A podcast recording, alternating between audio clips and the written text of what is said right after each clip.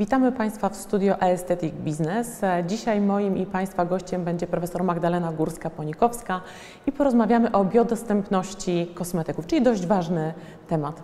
Pani profesor, zacznijmy może od e, sformułowania biodostępność, żeby to wytłumaczyć naszym widzom. Oczywiście. E, Przede wszystkim biodostępność określamy jako dostępność biologiczną. I jeśli spojrzymy na losy substancji w organizmie, to możemy e, do tego podejść w różne, w dwóch różnych przypadkach.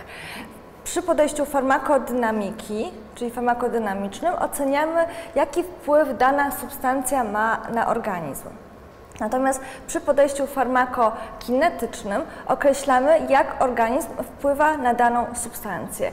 I to właśnie farmakokinetyka jest ściśle powiązana z biodostępnością. Farmakokinetykę możemy określić w pięciu etapach. W skrócie to jest LADME, czyli L liberation uwalnianie, A absorpcja, czyli wchłanianie, D dystrybucja w kompartmentach komórkowych, tkankowych, e, M metabolizm i E excretion z angielskiego e, wydalanie. Więc jeśli chodzi o biodostępność e, biologiczną, to tutaj największe znaczenie ma etap wchłaniania oraz etap absorpcji, czy- czyli wchłaniania i penetracji. E, Biodostępność, jeszcze tłumacząc definicję, to jest ułamek dawki substancji, która dostaje się do, krą- do krążenia ogólnego oraz Również biodostępność ocenia, jaki jest, jaka jest szybkość tego procesu.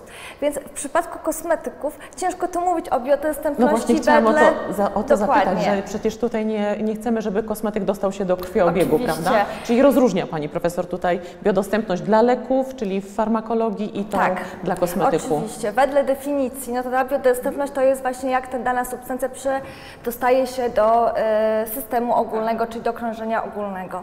Natomiast jeśli chodzi o lekach, o, przepraszam, Kosmetyki? e, kosmetyki, to wiadomo, że my chcemy, aby one działały lokalnie, a nie dostawały się, nie działały ogólnoustrojowo. Czyli Więc kluczowym aspektem jest tak naprawdę to, żeby dotrzeć do skóry. e, Do skóry i tam pozostać. A jak jest ze składnikami aktywnymi? Bo już wiemy, że on będzie biodostępny, e, jeśli ma taką e, szansę, ale bardzo często patrzymy na kosmetyki i mówimy, mamy jakieś składniki e, aktywne. A tych składników w produkcie jest około 30-50. E, Co dokładnie mówią nam, e, mówi nam pojęcie, czy ja- jak to rozumieć? Składnik aktywny.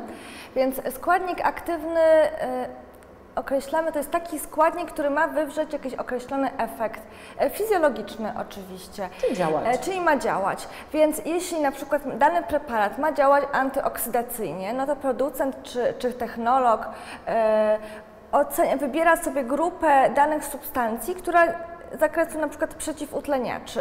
I tak sobie dobiera te substancje, aby po prostu ten preparat był o działaniu antyoksydacyjnym. E, oczywiście też należy zwracać uwagę na synergizm działania, aby te substancje były o mechanizmach, które się nie pokrywają, ale o różnych, żeby było to działanie synergistyczne i ten efekt był potęgowany. To ja zapytam jeszcze z innej strony. Biodostępny, aktywny, ale on ma dotrzeć do skóry właściwej. Jak? Kupujemy produkt, e, on jest teoretycznie fantastyczny, pięknie wygląda. Pytanie, czy jego składniki rzeczywiście mają szansę dotrzeć tam, gdzie nam na tym e, najbardziej zależy, czyli w skórze właściwej. To jest, Jest szansa? Jest szansa, aczkolwiek e, to jest ciężkie pytanie, gdyż jak wiemy, skóra to jest największy organ naszego organizmu i jego funkcją Dlatego pytam. fizjologiczną jest chronić nas, tak? Środowisko wewnętrzne, tkanki, narządy od środowiska zewnętrznego. Tak więc w naszym interesie nie jest do końca, aby jednak wszystko przenikało, na przykład nanodyspersję z powietrza. Więc, y, ale tutaj przychodzi z pomocą nauka. Jak najbardziej są systemy, są techniki, y, które pozwolą, aby dana substancja mogła przeniknąć przez skórę i się w tej skórze zatrzymać, bo o to, y, o to nam chodzi przy dobrych preparatach kosmetycznych. To zapytam jeszcze bardziej konkretnie, e, jak w temacie naszej rozmowy, to jak przechytrzyć skórę, żeby dokładnie tam, gdzie my chcemy, zadziałał odpowiedni składnik. Tak, to tutaj są różne, różnego rodzaju podejścia. Najpierw spójrzmy, jaki transport e, wyróżniamy, jakie transporty wyróżniamy przez skórę. Tak więc przez skórę możemy wyróżnić transport między komórkami, przez komórki, albo przez, e, przez na przykład mieszki, e, przez na przykład mieszki włosowe. Więc to są trzy główne rodzaje transportu. I teraz ja studiując już farmację z zachwytem słuchałam wykładów farmacji stosowanej, bo tam e, były podstawy e, o nauce, jak robić określone receptury, jakieś formulacje, tak aby one działały. I to, co zapamiętałam z tych wykładów, to jest triada, czyli trzy właściwości substancji, które ona powinna mieć, aby przeniknąć przez, e, przez skórę, ale to nie tylko przez skórę, przez błony biologiczne również. Więc przede wszystkim ona powinna być drobnocząsteczkowa. E, po drugie, niezjonizowana i po trzecie lipofilna. Tak więc te trzy cechy predysponują substancje do przenikania e, przez skórę. I to się oczywiście wykorzystuje w systemach transdermalnych, czyli leki, ale również w preparatach kosmetycznych. Jeszcze jedną ważną rzeczą przy takich substancjach jest, e, jeśli chcemy, żeby ona przenikała do głębszych warstw skóry, to po, byłoby wskazane działa, e, budowa amfipatyczna, czyli żeby miała element budowy hydrofilowej i hydrofobowej. Wtedy będzie miała powinowactwo, powinowactwo i do kompartmentów wodnych, i do kompartmentów e, lipidowych. Tak więc, e, tak więc te cechy predysponują substancję do tego, żeby przenikała. Ale jeśli nie mamy takiej substancji, no to tu przychodzi nauka z pomocą i możemy ją odpowiednio zmodyfikować. No właśnie i to jest, o to chciałam zapytać, bo bardzo często w preparatach są użyte e, składniki, których cząsteczka jest zbyt duża, żeby mogła przeniknąć albo nie ma takiej zdolności. Czy tutaj jesteśmy właśnie trochę w stanie pomóc takiej e, substancji, żeby jakkolwiek ona przedostała się głębiej? Albo czy możemy coś zrobić? Czy stosując dany kosmetyk, mam szansę zrobić cokolwiek dodatkowo, żeby wepchnąć, najprościej mówiąc, te składniki głębiej? Mhm. To może najpierw zacznę od tego drugiego pytania, mhm. typu właśnie, czy coś można pomóc skórze. No to na, należy pamiętać o, y, o skórze jako tej barierze, ale że pierwszą y, jakby tą barierą jest warstwa rogowa na skórkę, czyli na przykład regularne peelingi, dbanie o swoją skórę, gdyż tak, będą pomocne, gdyż wszelkiego rodzaju stany zapalne, czy przerwanie ciągłości na skórka, również one zmieniają nam uwalnia, e, uwalnianie, może nie uwalnianie, ale wchłanianie danej substancji. Oczywiście przerwanie, subs, e, przerwanie e, warstwy rogowej na skórkę, no to automatycznie nam substancja może już wniknąć do środka. Jednakże tutaj e, są jeszcze różnego rodzaju inne systemy, natomiast uważam, że jeśli e, są preparaty dostępne na rynku, to te preparaty są dostępne e, dla osób, które dbają rutynowo, normalnie o swoją skórę i nic do, dodatkowo nie trzeba robić. Więc nie trzeba dodatkowo sobie tworzyć warstw okluzyjnych, e, peeling wcześniej oczywiście jest wskazany, ale to nie jest wymóg. Czyli dobry preparat będzie tak przygotowany, że mogę go zastosować w domu i niczego więcej nie muszę tutaj uruchamiać żadnych mechanizmów e, pomagających e, przenikaniu, tak, tak? i dlaczego ja to mówię? Bo żeby ostrzec, bo najbezpieczniej, jeśli już chce, ktoś chce taką, że tak powiem, intensywniejszą terapię, no to wskazane są oczywiście zabiegi specjalistyczne u ekspertów, czyli dermatologów, kosmetologów, to tam już są te osoby, które się znają, że tak powiem, na rzeczy i one mogą użyć różnych podejść, aby pomóc temu preparatowi. Super. A proszę mi powiedzieć w takim razie jeszcze inaczej. Rozumiem, że preparat spełnia określone warunki, e, jest biodostępny, e, składniki aktywne, bardzo bogaty ma e, skład, wiemy, że przenika. A jak ja mam szukać takiego produktu? Bo skąd ja mam wiedzieć, wybierając dzisiaj produkt na rynku, myślę, że to jest takie jedno z głównych pytań przeciętnej Polki, jak znaleźć i jak wybrać ten dobry produkt dla mojej skóry. Nie mówimy tutaj już o rodzaju preparatu do skóry, tylko w ogóle na rynku znaleźć coś, co będzie będzie spełniało moje oczekiwania. Co to znaczy, że jest biodostępny? Jak ja go znajdę? Mhm. Tak, czy to jest w ogóle e, dobry, że tak powiem, jakościowo tak. produkt? Bo, mhm. e, dokładnie. Tu ciężko na pierwszy rzut oka określić, bo nawet fachowcy, że tak powiem, mogą dać się e, iluzji ponieść tego pięknego opakowania i po prostu zobaczyć piękne opakowanie, prawdopodobnie świetna jakość. Oczywiście opakowanie, czyli widok zewnętrzny, jakość nie zawsze idą w parze, ale jak najbardziej często również idą w parze.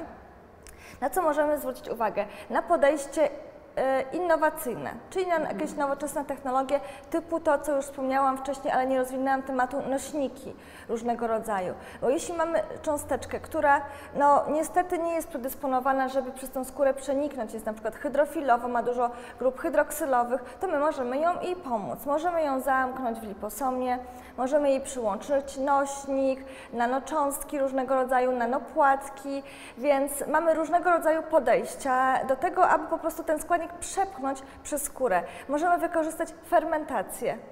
Na przykład w procesie fermentacji mikroorganizmy rozkładają jakiegoś rodzaju produkty, e, substraty, te co my im podamy, na mniejsze, bio, bardziej biodostępne. Więc e, my możemy wykorzystać takie zjawiska, które istnieją po prostu w, w przyrodzie i na tym się skupić. Więc jeśli e, krem i będzie opisane, że jakiś preparat kosmetyczny ma podejście Innowacyjne. innowacyjne, to prawdopodobnie on y, będzie wtedy działał tak, że to składnik ma dotrzeć tam, dotrze tam, gdzie ma, czyli do wnętrza komórki. To jest, to jest najważniejsze, bo że on przeniknie przez skórę, to nic nie znaczy, bo on musi się jeszcze dostać do wnętrza komórki i No tam właśnie. on musi zadziałać, czyli Żeby- w sercu. żeby zadziałał. tak powiem. Pani profesor, to zapytam jeszcze em, może o tworzenie preparatów e, biodostępnych, bo myślę, że to jest najprościej mówiąc nauka. To są godziny w laboratorium, to jest e, ciężka praca. Jak stworzyć e, dobry kosmetyk biodostępny? No to są nawet lata e, pracy, mogę powiedzieć. Tak myślałam. E, Tutaj jeszcze o tym kosmetyku biodostępnym to bym e, radziła właśnie uważać z tą biodostępnością, żeby zawsze zwrócić uwagę na to, że ta biodostępność przy kosmetykach nie znaczy tego, co przy leku. Żeby to jednak zawsze e, rozgraniczać, więc może kosmetyk biodostępny to jest nie do końca dobra definicja. Może innowacyjny kosmetyk właśnie z nośnikami, więc e, przede wszystkim to są lata pracy, jeśli ktoś chce zacząć od początku. Bo jeśli e, my chcemy po pierwsze sobie taką jakieś substancję aktywną, zmodyfikowaną stworzyć, czyli nie wiem, dołączyć grupę palmitynową e, do jakiegoś, nawet e, jest palmitynian as, kwasu askorbinowego, po to, żeby była właśnie lepiej, na- nadać jej właściwości lipofilne. Więc no to już jest więcej pracy, bo trzeba coś syntezować, tak samo nośnik, również trzeba popracować nad tym nośnikiem. Jeśli już mamy konkretną substancję aktywną, którą myślimy, że ona będzie działać, no to y, należałoby wykonać badania wstępne, to są badania in vitro. To są badania w szkle, jak y, nazwa To wskazuje, szereg czyli szereg, y, szereg badań, to są badania spektrofotometryczne, badania przez, y, z komorą dyfuzyjną w France, z, z wykorzystaniem modelu ludzkiej skóry. To są badania z użyciem komórek, y, już modeli komórkowych 2D albo takich, co bardziej przypominają e, struktury w organizmie, czyli 3D. I to są różnego rodzaju komórki skórne. Mogą być fibroblasty, melanocyty, keratynocyty. Czyli mamy Baza jest ogromna. procesów bardzo Tak, więc długa. to są in vitro i tam badamy, czy ta substancja aktywna w ogóle działa, czy jest sens, czy w jakich stężeniach ona jest, może działać. E, Jakie, w jakich stężeniach ta, to działanie będzie optymalne e, przy na przykład regeneracji skóry, przy nawilżeniu skóry, czy właśnie właściwościach antyoksydacyjnych, przy, jakich właściwo, przy jakim stężeniu ona nie ma e, właściwości cytotoksycznych. Czyli musimy jeszcze każdą substancję rozłożyć na czynniki pierwsze i wiedzieć o niej wszystko. Tak, jeśli zaczynamy od początku. Zapytam Tak. Pani Profesor jeszcze o, o, o jedną rzecz, myślę, że naszych widzów to zainteresuje. E, jeden top dzisiaj e, składnik aktywny, może znany, może mało znany, taki, który Pani Profesor by poleciła, że wiemy, że, e, e, że będzie działał bardzo korzystnie na naszą skórę. Jak dla mnie teraz, to jest to, co również ja wykorzystałam w moich przypadkach, to są fermenty. Czyli wszystko, co zale- zawiera jakieś składniki fermentowane. Gdyż, tak jak powiedziałam, mikroorganizmy rozkładają e, różnego rodzaju substancje, które my im po prostu podamy, czyli substraty, do mniejszych biodostępnych produktów. Przecież fermentacja typu w dietetyce jest bardzo znana, kiszonki, tak, więc wykorzystajmy to na skórę. E, e, Azja, Azja już wykorzystuje od bardzo dawna, od wielu, wielu lat właśnie składniki fermentowane w kosmetologii. Do Europy to przychodzi, no i mam nadzieję, że zatrzyma się u nas na dłużej, bo naprawdę jest warto. Działanie przeciwzapalne, działanie antyoksydacyjne, e, regenerujące skórę, nawilżające, więc e, to polecam. Podsumowując, jesteśmy w stanie rzeczywiście znaleźć na rynku dobre produkty, które mają szansę działać, które nie tylko wnikną do naszej skóry, ale składnik e, wniknie do komórki i mamy rzeczywiście szansę uzyskać możliwie najlepsze efekty terapeutyczne, czyli warto szukać dobrych produktów i regularnie ich używać. Warto, jak Bardzo najbardziej dziękuję. warto. Bardzo dziękuję Pani Profesor. Moim i Państwa gościem była Pani Profesor Magdalena Górska-Ponikowska. Dziękujemy bardzo. Pięknie dziękuję.